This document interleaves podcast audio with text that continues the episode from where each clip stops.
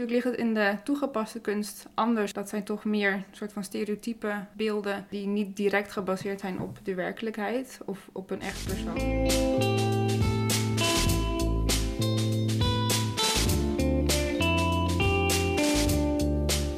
Hallo luisteraars, ik ben Eliane en welkom bij deze eerste aflevering van Kunsthoop. Een podcast waarbij ik in gesprek ga met onderzoekers en conservatoren over kunstwerken uit de rijke collectie van Nederland. Vandaag praat ik met Charlotte Hoitsma. Zij heeft een uitgebreid onderzoek gedaan naar gebruiksvoorwerpen uit de Nederlandse 17e eeuw met afbeeldingen van zwarte mensen. Vandaag praten wij over een kabinet uit de collectie van het Rijksmuseum. Welkom Charlotte. Zou je ons iets meer kunnen vertellen over het object waar wij nu naar kijken? Ja, het is een 17e eeuwse Antwerpse kunstkast. Die eigenlijk uit twee delen bestaat, waarvan de bovenkant uh, echt het kastgedeelte is met laadjes. Uh, die zijn versierd met bijbelse voorstellingen. Het is uitgevoerd met allerlei uh, luxe materialen, zoals ebbenhout en schildpaddenschelp. Het onderstel zijn de poten waarop het kabinet rust. En deze zijn vormgegeven als vier figuren, die een mix voorstellen tussen verschillende culturele achtergronden. We zien typische Afrikaanse gezichten, stereotype gezichten. Ook nog extra aangezet met verf, zodat het um, ja, nog meer naar voren komt. Zij dragen gouden kleding, die is versierd met allerlei veren. Het meest opvallende daarbij is het verenrokje. In hun handen dragen ze tabaksbladeren. En ze hebben een lange mantel om die een beetje om zich heen zwiert. En op hun hoofd hebben ze een tulband. En daarop rust dan ook um, het kastgedeelte. Wij refereerden zojuist al eventjes naar deze figuren als uh, zwarte mensen, zwarte figuren. Uh, op dit moment is dat natuurlijk ook een gewichtige discussie en een belangrijk thema in het huidige debat. Hoe heb jij in jouw onderzoek gerefereerd naar deze figuren? Hoe heb je die omschreven? Dat is een uh, goede vraag.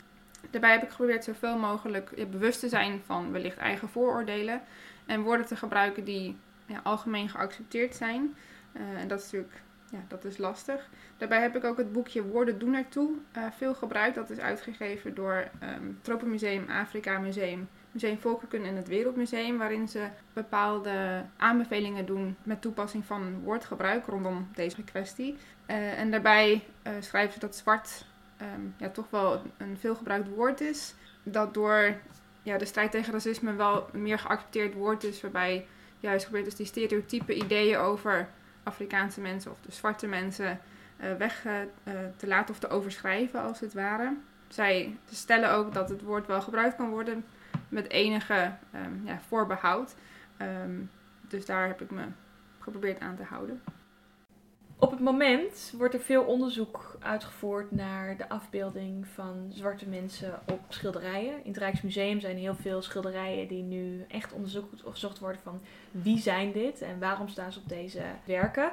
Is dat in de toegepaste kunst ook zo? Nou, ik denk um, dat inderdaad, zoals je zegt, binnen de schilderkunst is daar steeds meer aandacht voor.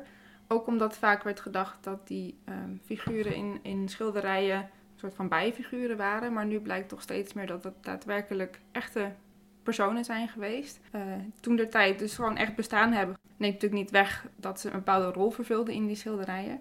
Uh, en natuurlijk ligt het in de toegepaste kunst anders. Dat zijn toch meer soort van stereotype beelden die niet direct gebaseerd zijn op de werkelijkheid of op een echt persoon.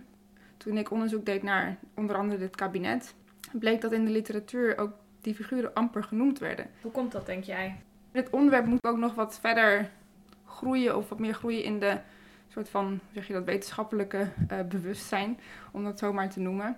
En, en schilderij is sowieso altijd natuurlijk een wat ja, van de fine arts en wordt gezien als wat hoger genre. Dus daar is over het algemeen sowieso meer aandacht voor. Um, maar ik hoop dat het uiteindelijk zich ook meer uitbreidt naar decoratief en toegepaste kunst. Uh, bijvoorbeeld bij het kunstkabinet ging het alleen maar om die bijbelse uh, schilderijtjes die op het bovenste gedeelte te zien zijn. En de functie van het kunstkabinet zelf, dus om curiositeiten te bewaren.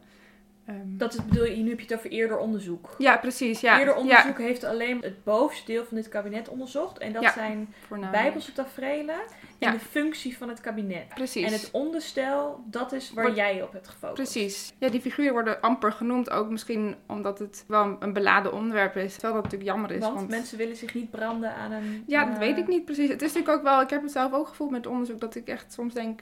Ik wil niet mensen kwetsen of de verkeerde dingen zeggen. En dat is soms wel lastig. Maar tegelijkertijd moet dat ons natuurlijk ook niet van weerhouden om dit ook uit te lichten. Want dit werk staat in het Rijksmuseum. Ja. En het Rijksmuseum ligt ook best wel onder vuur Ja, ja, ja. ja. met deze discussies. Wat staat er op het bordje bij dit werk in het Rijksmuseum? Weet je dat? En ook in het bordje worden die figuren, naar mijn weten, niet echt genoemd.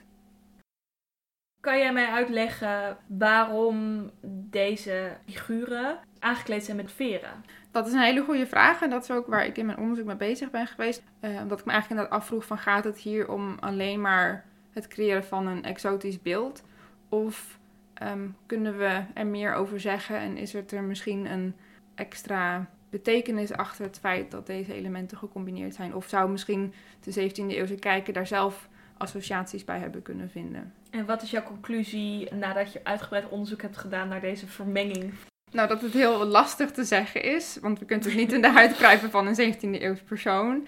Eh, en ook, wat het ook lastig maakt, is dat bijvoorbeeld schilderkunst er toch altijd wel veel documenten te vinden zijn, dat voor de toegepaste kunst veel minder het geval is. Wel weten we dat de figuren als moren werden omschreven, eh, maar dat hoeft ook niet per se alles te zeggen. Want wat betekent dat precies in het 17e Ja, eeuwse dat taal? kon zowel Afrikaans betekenen als personen sowieso uit een, een, een verre regio. Eh, dus dat hoefde ook niet alles te zeggen. Eh, maar dat geeft eigenlijk al wel aan dat daar al niet helemaal duidelijk is om wat voor identiteit het hier precies gaat. Maar dan is ook de vraag weer opnieuw, wou de maker daar wel per se een identiteit aan geven? Weten we wie de maker is van dit kabinet? Nee. Nee, dat Er is is niks eh, bekend over hem of nou ja, haar. Nou, het Ja, er zijn wel- maar... Er zijn wel documenten, ehm, die heeft Ria Fabri eh, gevonden. Zij is heel erg gespecialiseerd in eh, kunstkabinetten.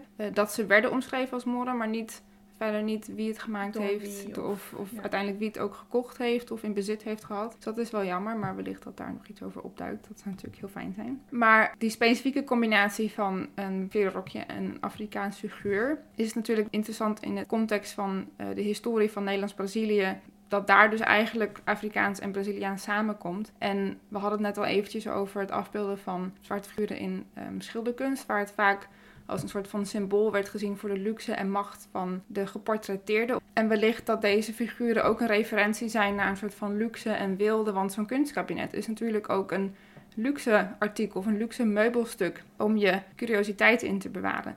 Dus het is Ehm. bedoeld voor verzamelaars, 17e eeuwse verzamelaars. Die eh, objecten bij elkaar probeerden te verzamelen en die eh, in een mooi kastje wilden stoppen. Ja, en je kan het dus op verschillende manieren bekijken. Dus ehm, bijvoorbeeld het verzamelen van exotische voorwerpen en objecten. En misschien op zekere hoogte ook wel mensen. Ja, die objecten waren natuurlijk, konden zowel naturalia zijn, dus zoals schelpen en allerlei interessante stenen. En die konden ook uit verre oorden komen, daardoor dus extra interessant omdat ze van ver kwamen. En wellicht was dat voor mensen ook wel dat ze toch ja, iets uit die cultuur konden bezitten. En in zekere zin dus een figuur die samengesteld is uit verschillende elementen, zoals ook verschillende objecten uit ehm, culturen samenkomen in zo'n curiositeitenkabinet. Je noemde net tabak al heel eventjes. Kun je daar wat meer over vertellen? Is tabak iets wat vaker werd afgebeeld in dit soort kabinetten of objecten? Of is het een heel uitzonderlijk iets? Het is niet per se een heel uitzonderlijk iets. Natuurlijk, tabak, toen dat eenmaal een beetje op gang kwam, werd dat enorm populair. En het was ook een grote bron van eh, veel winst. Dus opnieuw hangt dat natuurlijk ook een beetje samen met het afbeelden en laten zien en tonen van je geld dat je hebt. Ehm, en ook als je naar potten kijkt waar eh, tabak in werd vervoerd, of van die mooie vazen, zie je ook vaak zo'n rokend figuur. Er was al wel een bepaalde beeldtaal die daarmee samenhangt, waarvan ik denk dat het ook wel, dat je er wel van uit kan gaan dat men in die tijd die associatie inlegt. Je hebt natuurlijk onderzoek gedaan naar meer objecten dan Ja. alleen dit kastje. Of kast, moet ik zeggen. Dat is een enorm ding. Ja, mijn, mijn startpunt was dit eh, kunstkabinet. En toen ik verder ging zoeken, kwam ik eh soortgelijke figuren tegen in andere gebruiksvoorwerpen. En wat daarbij heel opvallend is, dat die combinatie tussen Afrikaans en Amerikaans eigenlijk bij allemaal terugkomt. Of bij allemaal alle soortgelijke eh, objecten, zeg maar. Een ander voorbeeld is bijvoorbeeld een paar zilveren zout- of suikervaatjes in de collectie van het Prinsenhof in Delft. Waar opnieuw Daar heb jij ook een artikel over Ja. gepubliceerd Ja, recentelijk. in Klopt. Ja? Dus daar ga ik natuurlijk nog wat uitgebreider op in. Maar daar is opnieuw die combinatie te zien. Want die figuren hebben ook een, eh, zo'n veerrokje aan. Ik heb jouw eh, onderzoek gelezen.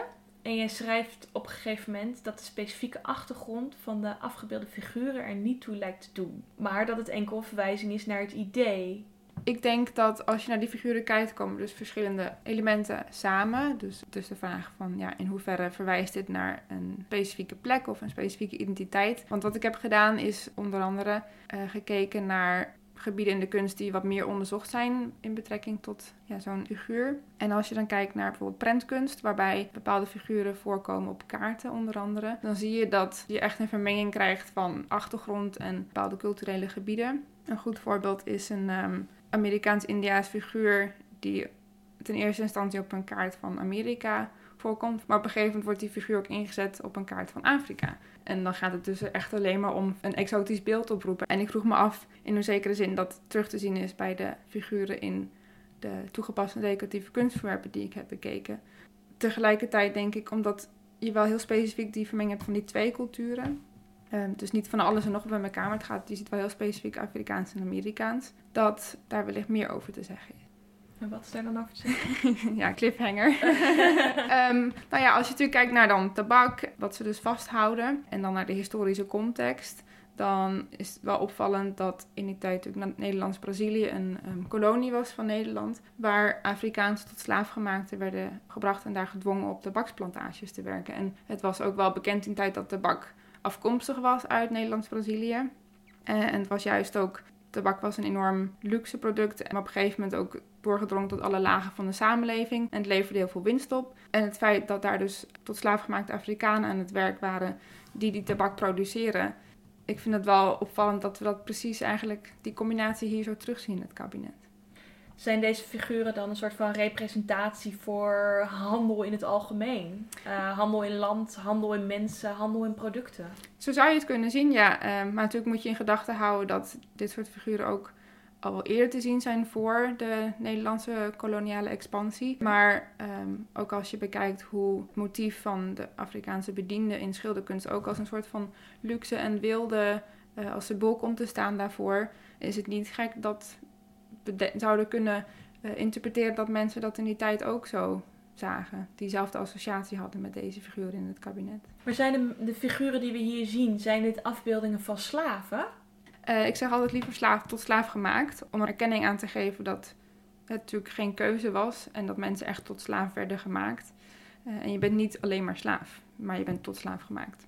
Er is geen hele duidelijke referentie dat deze figuren tot slaaf gemaakt zijn. Uh, vaak kun je dat herkennen aan een bepaalde ketting die om de nek zit. Goud uitgevoerd.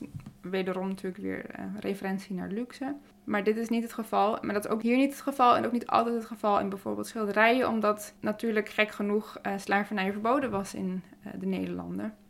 En als je jezelf zou willen afbeelden met een tot slaafgemaakte, die heel duidelijk tot slaafgemaakte is, dat natuurlijk een beetje gek. Dus vaak ja, zie je dat het bedienden zijn. In het kabinet is dat ook enigszins lastig, omdat ze niet een hele duidelijke houding aannemen als bediende bijvoorbeeld.